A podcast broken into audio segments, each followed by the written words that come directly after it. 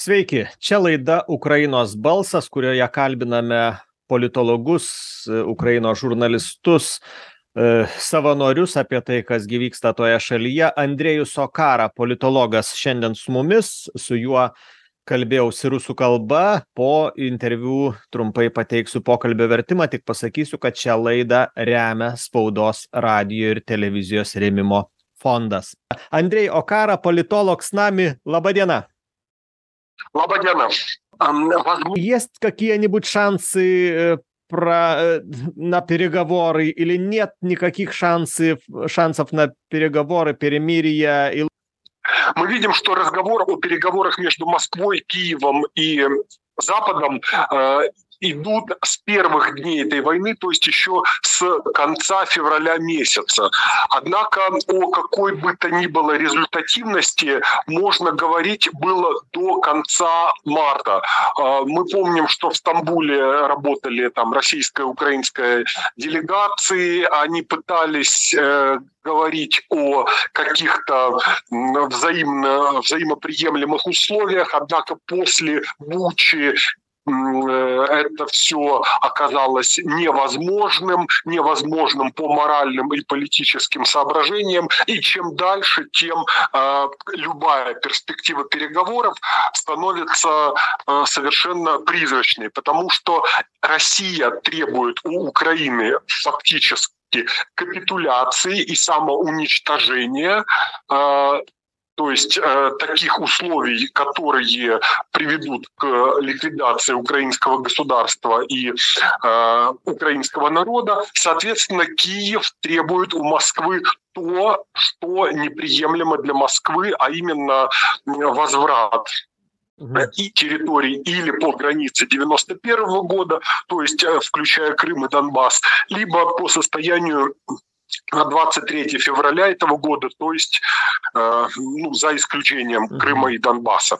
Соответственно, сейчас мы видим, что Путин и Кремль всячески пытаются э, принудить Украину к какому-то диалогу, но мы видим, что э, это э, ну, невозможно от слова совсем. Но, тем не менее, э, в этом процессе участвуют и многие западные политики, то есть Кремль фактически просит Запад помочь э, ему э, надавить на Киев и склонить Киев к переговорам. И в этом смысле вот заявления, точнее реплики Илона Маска о том, как он видит, э, вот что хорошо бы, э, вот Крым пусть будет российским, а Украина пусть заявит о своем нейтральном статусе и так далее. Ну, фактически это э, примерно такие же требования, которые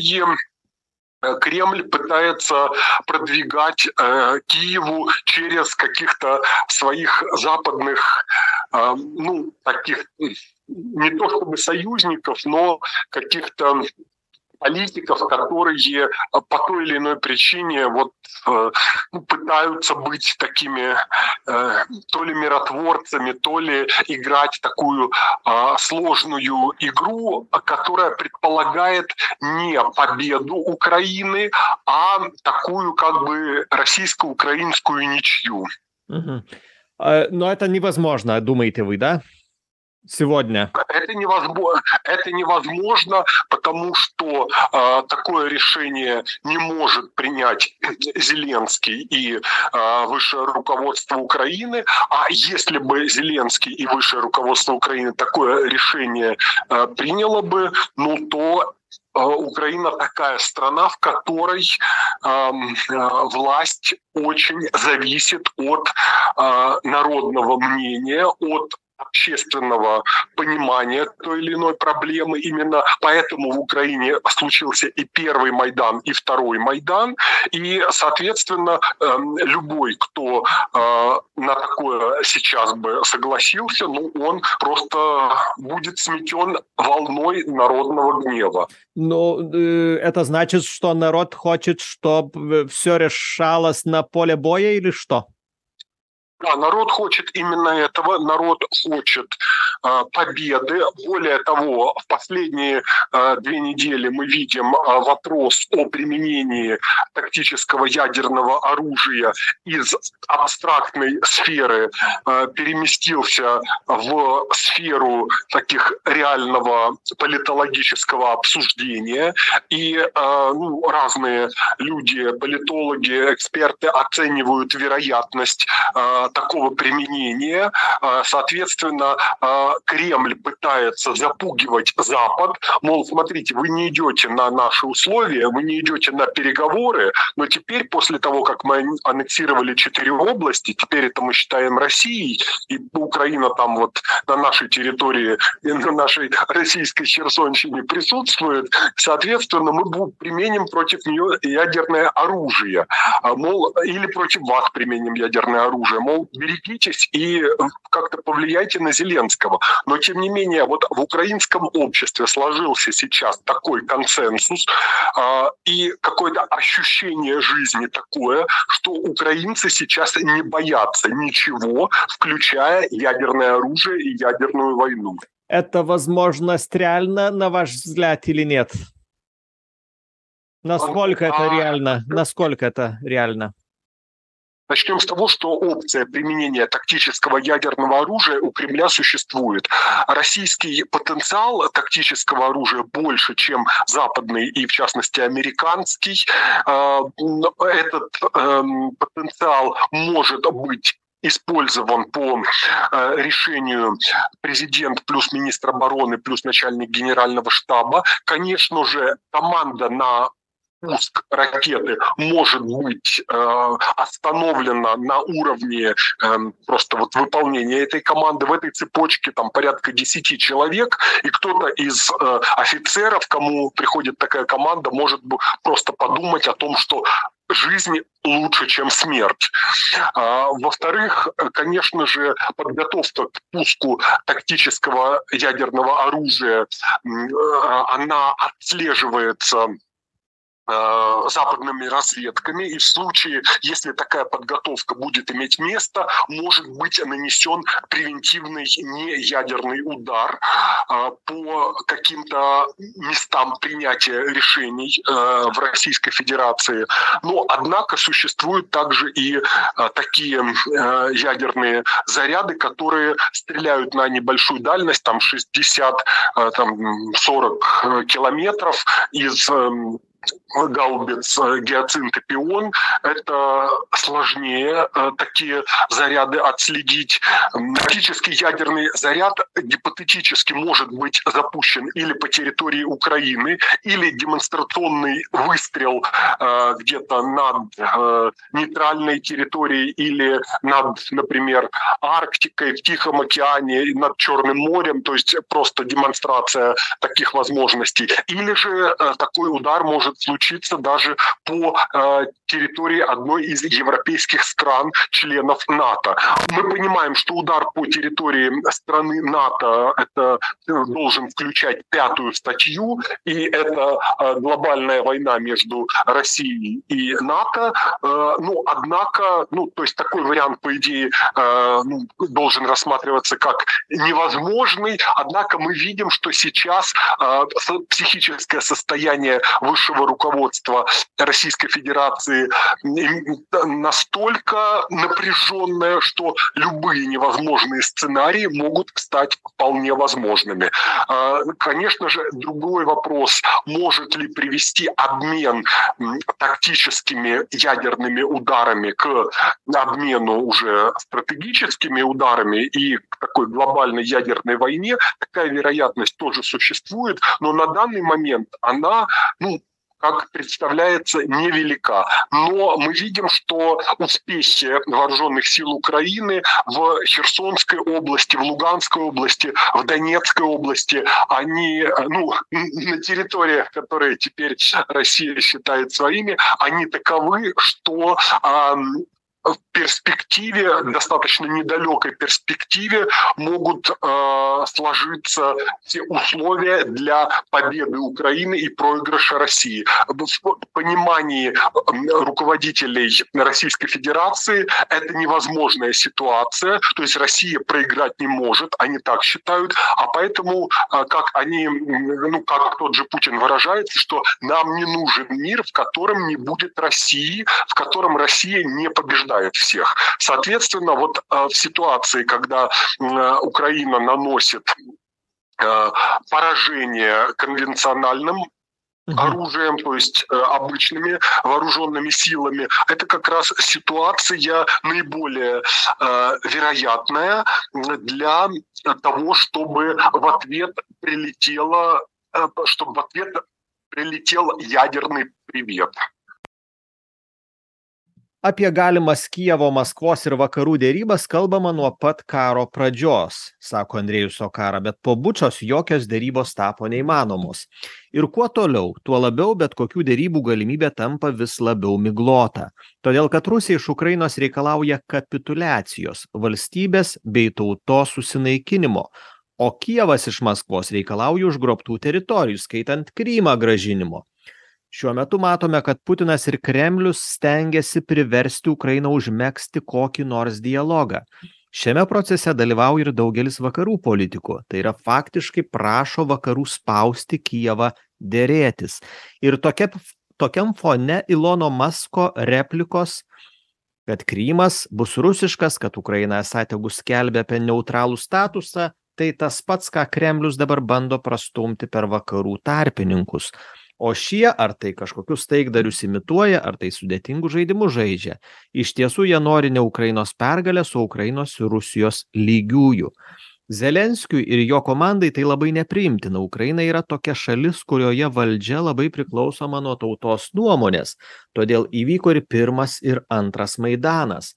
Tas kuris šiuo metu sutiks su pasiūlymu derėtis bus nuneštas tautos neapykantos bangos tauta nori pergalės ypač šiuo metu kai daug kalbama apie galimą branduolinį smūgį.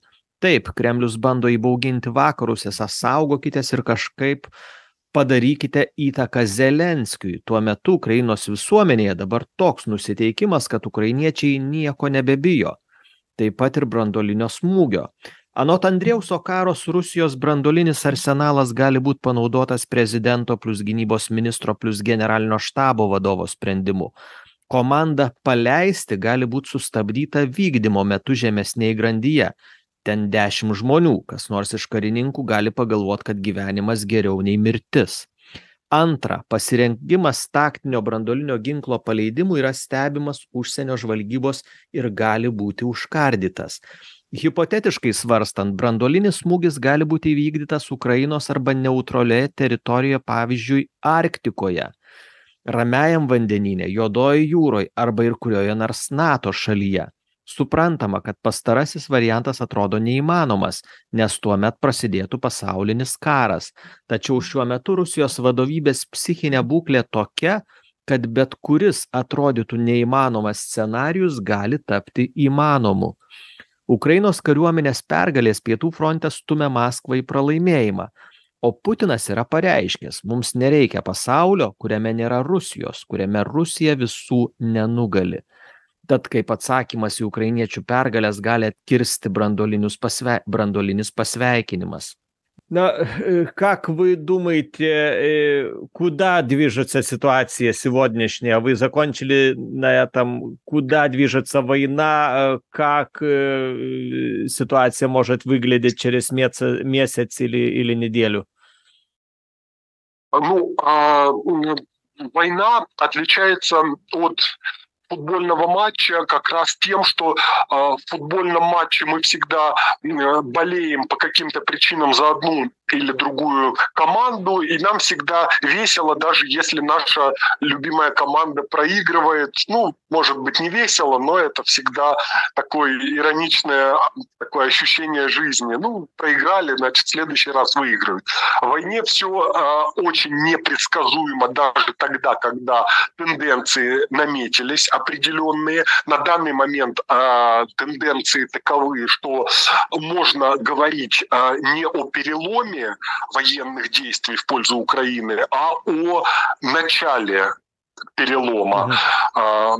вот. Но, тем не менее, война на то и война, что сегодня так, а завтра совсем неожиданным образом. И в отличие от футбола, ну, мы там поболели за кого-то и все. А в войне, к сожалению, а, и одна, и другая стороны платят жизнями людей и своей исторической перспективой. И и уже сейчас можно говорить, хотя у меня такое впечатление было с самого первого дня войны, что эта война не за территории, не за людей, не за какие-то экономические ресурсы, а эта война прежде всего а, имеет экзистенциальный характер. То есть это война ценностей, это война представлений о жизни, это война разных моделей э, политического устройства, это война разных образов жизни. И, в общем-то, а, совершенно не правы те, кто считают, что это а, разборки бывшего имперского центра с бывшей а, какой-то провинцией. Это война с самого начала имеет характер именно мировой войны.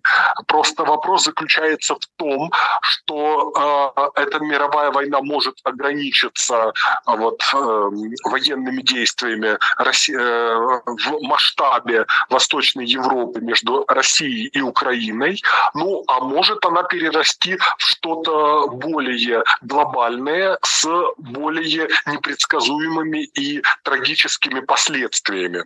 И в данной э, ситуации э, существует такое представление, которое доминирует сейчас и в Украине, и в России, что э, та страна, которая в этой войне проигрывает, она превращается в изгоя, она ну не то чтобы стирается из истории, хотя в случае Украины, видимо, это будет именно стирание из истории. Если Украина проигрывает, ее не будет существовать ни как государства, ни как народа. А в случае проигрыша России, а, судя по всему, а, там есть несколько важных э, реперных точек, в том числе сохранится ли ядерный статус или не сохранится. И в зависимости от этого Россия тоже э, будет, э, ну, может существовать или как небольшое э, может быть большое, ну, средних масштабов региональное государство, э, либо же она становится э, такой глобальной империей, которая навязывает всему человечеству свое понимание бытия. Мы видим, что э, попытки сформировать какую-то вменяемую идеологию, а, которая бы была такой путеводной звездой для России, для российского руководства, для Кремля, для российского общества, для российской армии. А, вот все попытки э, сформировать что-то вменяемое, они закончились провалом. Это э, Советский Союз имел идеологию марксизма, ленинизма, коммунизма и образ будущего там, экономическую модель какую-то оригинальную. Ну, это все, конечно, очень страшные были вещи, но, по крайней мере, это было продумано и сформулировано. В России все попытки сформулировать закончились примерно тем, о чем говорил Путин на в Георгиевском зале 30 э, числа и потом на Красной площади. Какие ценности у Путина в голове? А, в начале войны он говорил, что цель войны – это денацификация и де милитаризация Украины. Потом э, начали говорить, что, наверное, цель войны, чтобы Украина не вступила в НАТО. Потом цель войны – это защита Донбасса. Теперь говорят, что Россия воюет с Западом на территории Украины, и уже как бы ну, нельзя не воевать, потому что иначе Запад Россию поработит.